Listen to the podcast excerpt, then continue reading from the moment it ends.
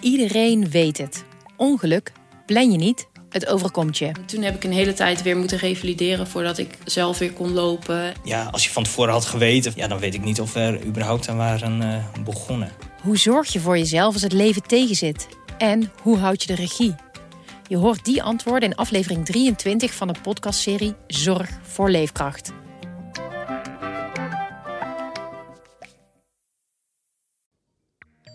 Hij begon het fietscoureursbedrijf in zijn eentje. En in 21 jaar tijd groeide Cycloon uit tot een miljoenenbedrijf. Deze zomer verkocht Eddie de Rietstap zijn laatste aandelen aan het grote bol.com. Het zakelijk succes had wel een persoonlijke keerzijde. Voor het eerst blikte Zwollenaar openlijk terug. Je luistert naar Moet je horen, waarin we bijzondere verhalen van de Stentor aan je voorlezen. Met in deze aflevering hoe Eddie in zijn eentje begon en er uiteindelijk een miljoenenbedrijf van maakte. We zitten in de achtertuin van zijn toekomstige woning in Zwolle Zuid.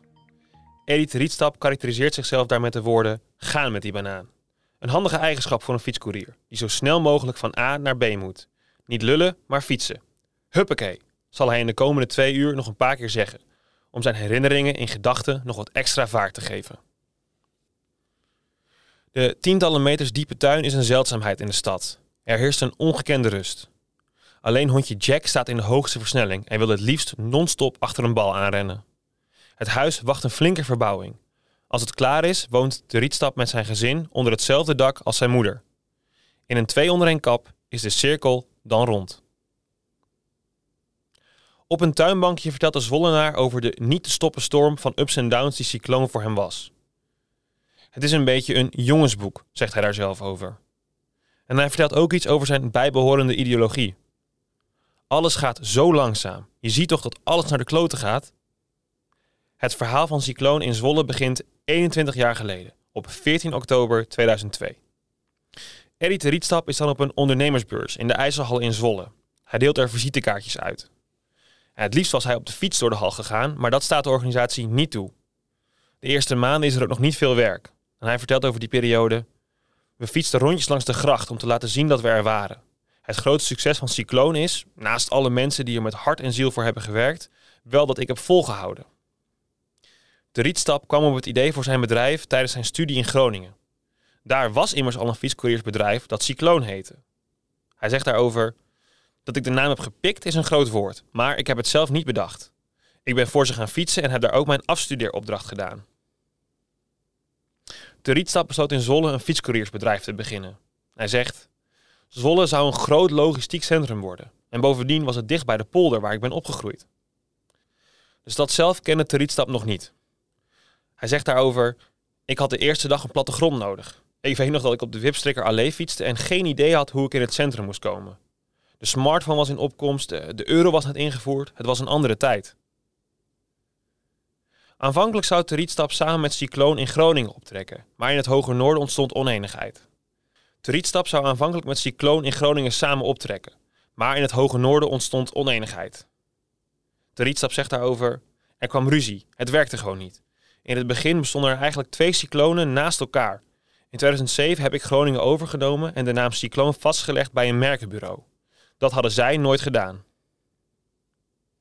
Zelf zit hij die eerste jaren, net als de andere couriers, verschrikkelijk veel op de fiets, naar eigen zeggen. Ik weet nog dat ze in Groningen een feestje gaven, omdat het hun laatste dag was. Ik kwam om 11 uur s'avonds binnen, omdat ik net de laatste raadstuk had weggebracht. Langzaam maar zeker bouwt hij het bedrijf uit.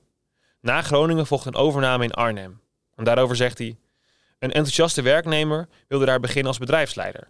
En ik denk dat mensen graag voor mij werkten, omdat ik ze het vertrouwen en de middelen gaf om zich te ontwikkelen. Op enig moment heeft de Rietstap 100 man onder zich werken, waardoor hij steeds meer en ook andere verantwoordelijkheden krijgt. Een grote stap zet Cycloon in 2012 met de overname van de posttak van het sociaal werkbedrijf in Zwolle, waarna Cycloon ook post gaat bezorgen. Maar dat gaat niet zonder slag of stoot. We gaan eerst even terug naar zijn jeugd. De Rietstap groeit op in de Noordoostpolder. Dicht bij Urk hebben zijn ouders een gemengd boerenbedrijf. En de Rietstap herinnert zich daar het volgende over. Het succes van Cycloon ligt deels in mijn opvoeding, in hoe ik mijn jeugdjaren heb beleefd. Mijn vader werd ziek toen hij 36 was en is op zijn 50ste overleden. Ik was toen 24 en ik was ook gewend om keihard te buffelen op de boerderij. Hij zat al bij zijn ouders in de maatschap en runt de boerderij na het overlijden van zijn vader een jaar lang, samen met zijn moeder. Hij vertelt daarover: We hadden aardappelen en uien en we verhuurden land voor tulpen. In het verleden hadden we ook koeien, maar die waren al weg omdat mijn vader ziek was. Het was echt een polderboerderij, maar wel kleinschalig. Samenwerken met zijn moeder is geen onverdeeld succes. Ze houden het een jaar vol.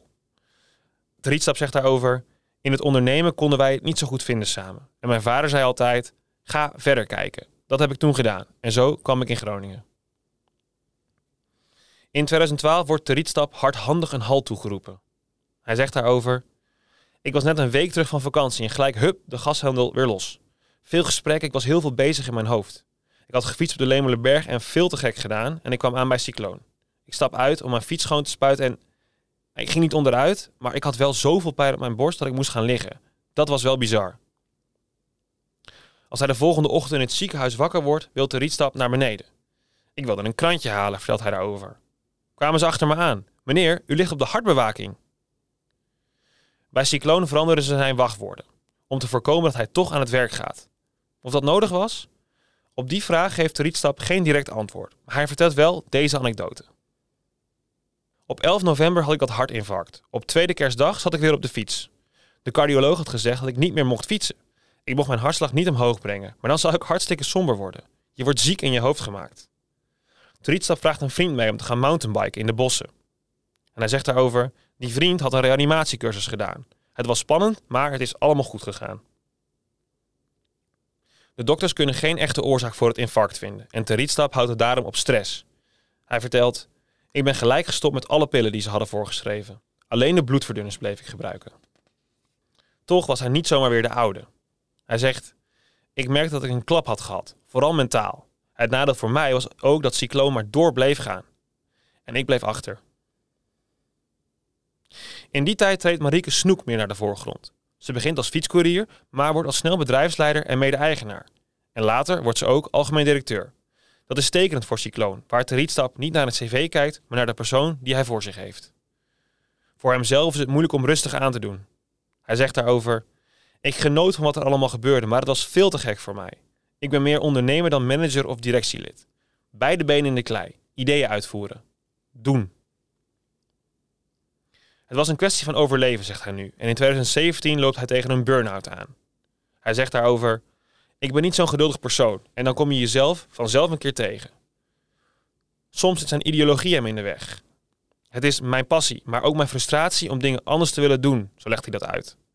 De wereld, ik had en heb nog altijd het gevoel, alles gaat zo langzaam. En je ziet toch dat alles naar de kloten gaat? Dat uitgerekend bol.com nu zijn bedrijf heeft overgenomen, leidt daardoor tot gemengde gevoelens. Hij zegt daarover: zij willen zoveel mogelijk pakketjes verkopen. Maar is dat allemaal wel nodig? Dat is heel dubbel. Aan de andere kant, als iemand al die pakketjes moet bezorgen, laat het dan Cycloon zijn.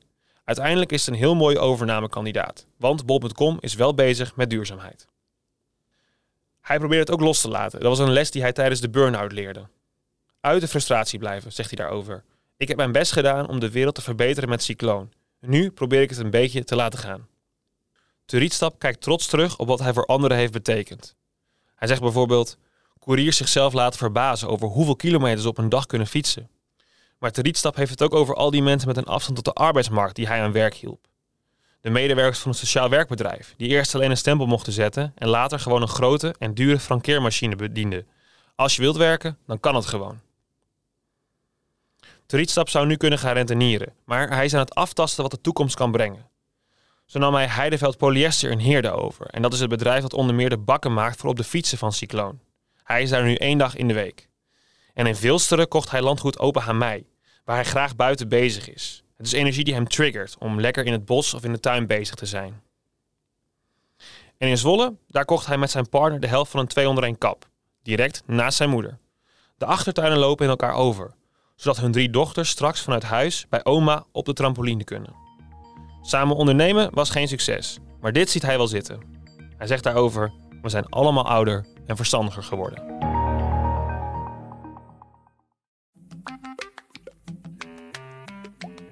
Iedereen weet het. Ongeluk plan je niet, Het overkomt je. Toen heb ik een hele tijd weer moeten revalideren voordat ik zelf weer kon lopen. Ja, als je van tevoren had geweten, ja, dan weet ik niet of we er überhaupt aan waren eh, begonnen. Hoe zorg je voor jezelf als het leven tegenzit? En hoe houd je de regie? Je hoort die antwoorden in aflevering 23 van de podcastserie Zorg voor Leefkracht.